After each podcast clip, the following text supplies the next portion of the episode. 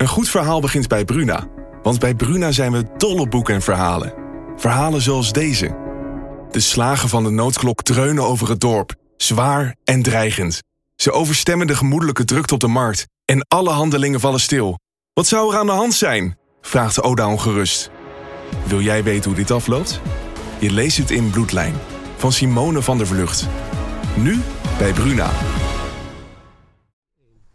Dus de proefkolonie. De proef, ja.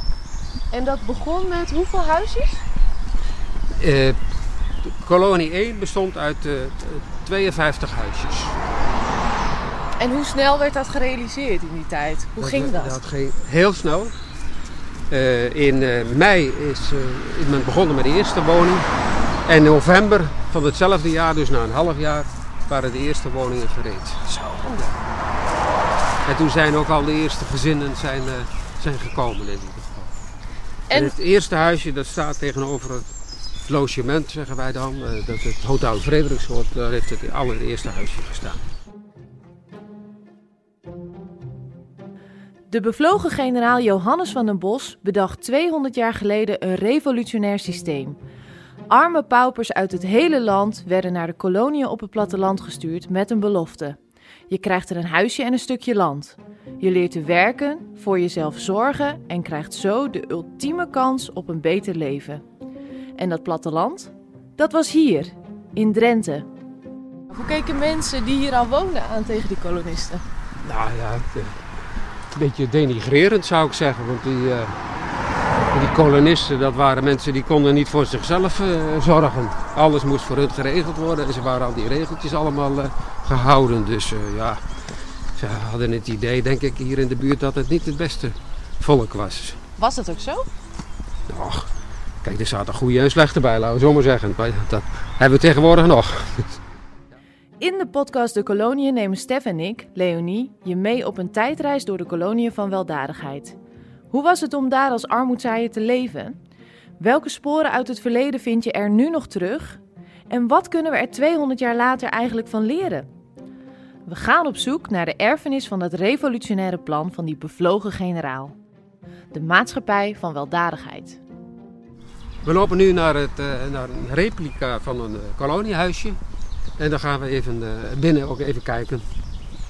We zijn in Frederiksoord, de plek waar de eerste armoedzaaiers naartoe werden gestuurd, de proefkolonie. Daar ligt achter de doorgaande weg een oud koloniehuisje.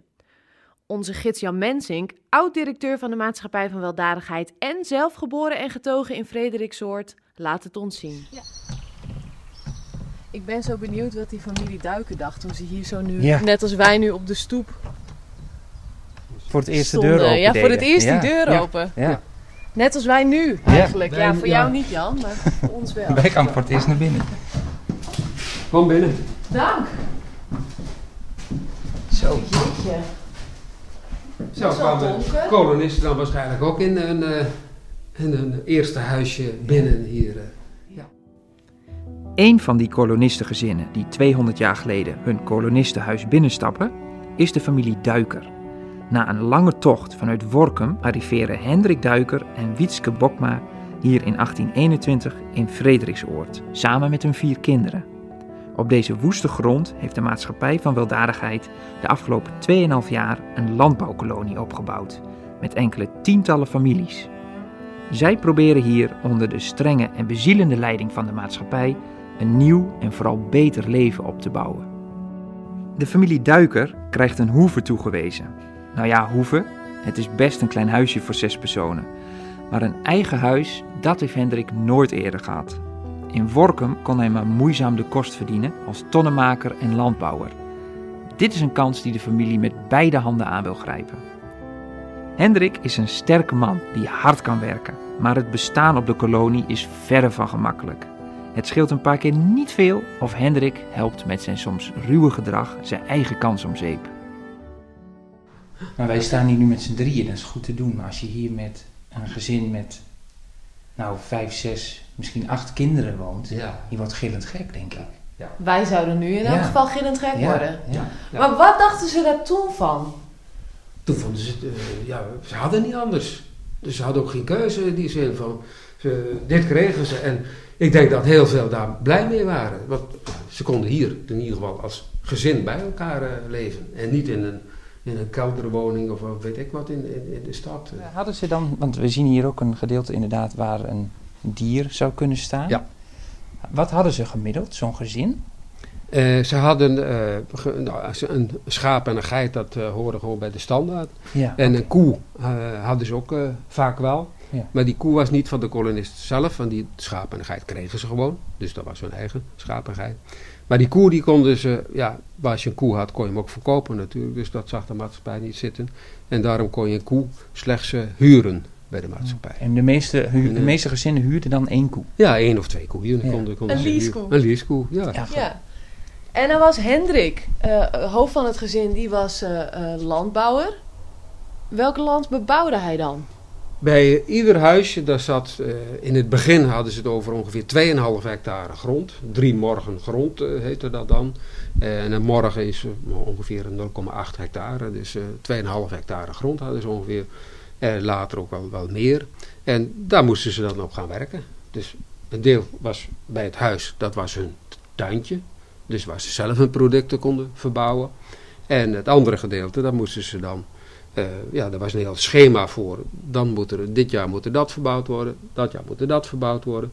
En dan kregen ze de uitleg van, van de wijkmeester. Die ging over twaalf woningen. En die had twaalf gezinnen dus onder zijn, eh, zijn hoede. En dan ging hij uitleggen van, nou, dit moet vandaag gespit worden.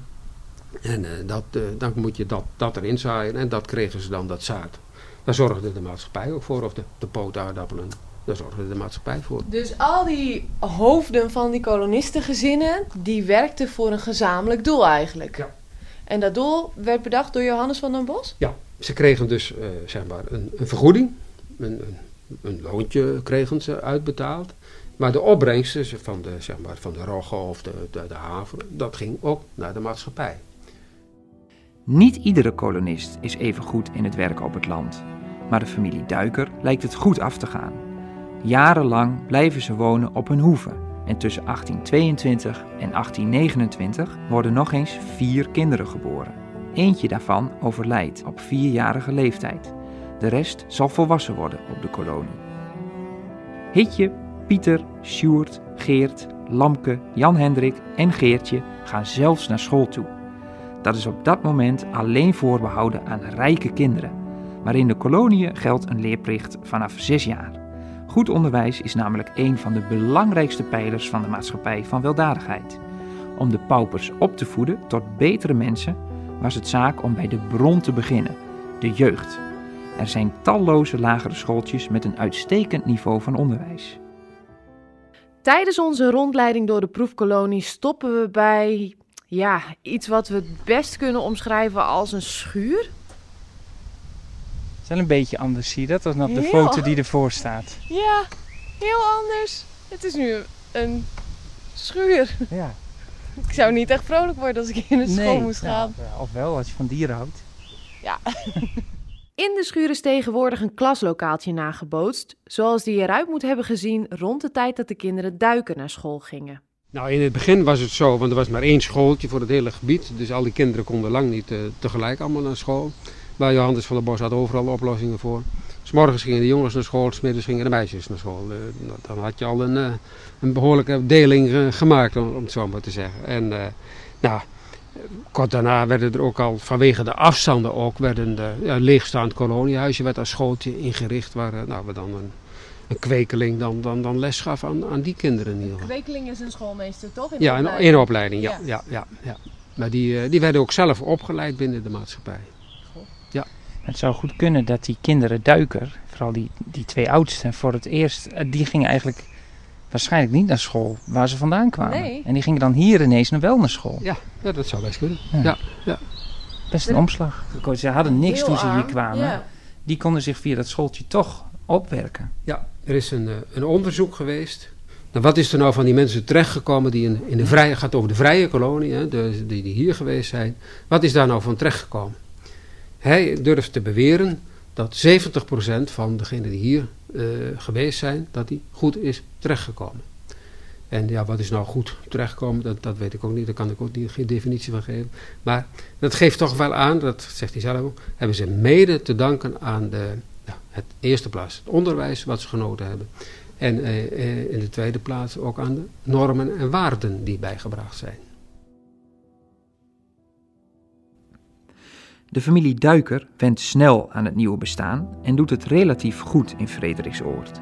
Hendrik werkt hard op het land en de inkomsten van het huisgezin behoren tot de hoogste van de kolonie. Maar de verantwoordelijkheid vraagt ook veel. In augustus 1829 moet Hendrik voorkomen bij de Raad van Tucht. Hij is dronken geweest. Hij legt de raad uit dat dit het gevolg was van huiselijke oneenigheden. Ruzie dus. Over de oorzaak van de ruzie staat niets in de kolonieadministratie. Dronkenschap is uit den boze volgens de strenge regels van de maatschappij. Op het vergrijp waaraan Hendrik zich schuldig maakt, staat maar één straf: een enkeltje ommerschans. In deze strafkolonie in Overijssel komen bedelaars en landlopers terecht, aangevuld met inwoners van de andere koloniën die straf hadden gekregen. Uit de notulen van de Raad van Toezicht 24 augustus 1829.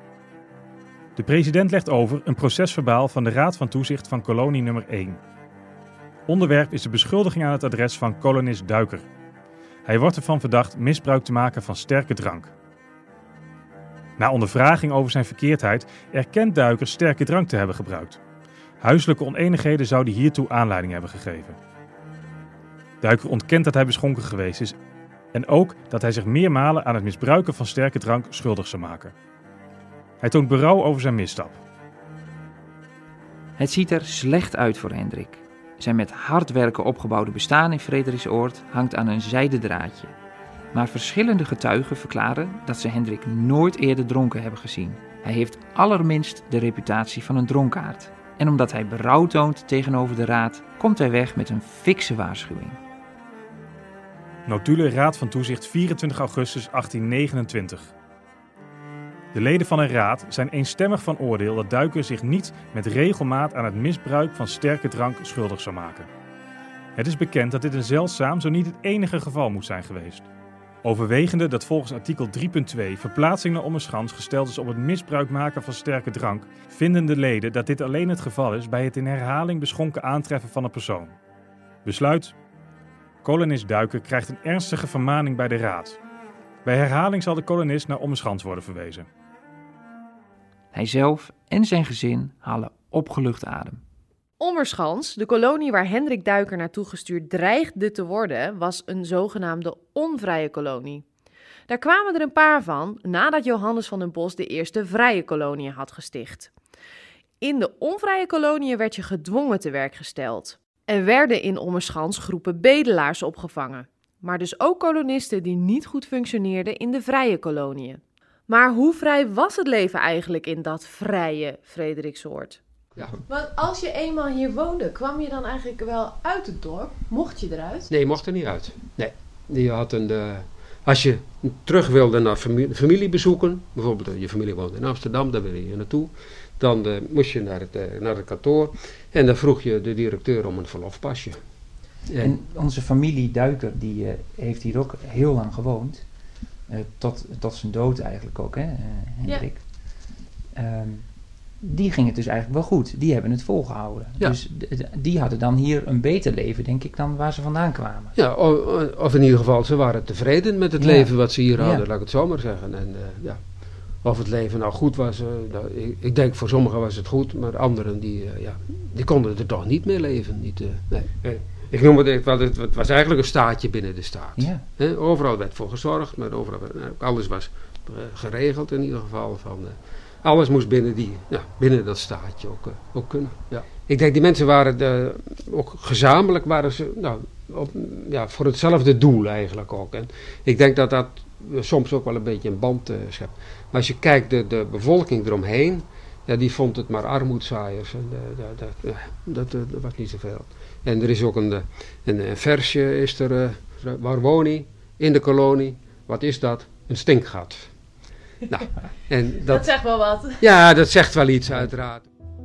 Hoe vergaat het de familie Duiker verder in de kolonie? Op 9 oktober 1843, meer dan 20 jaar na aankomst, overlijdt Hendrik, 57 jaar oud. Wietske blijft tot op hoge leeftijd op de boerderij wonen. De kinderen vertrekken één voor één uit de kolonie.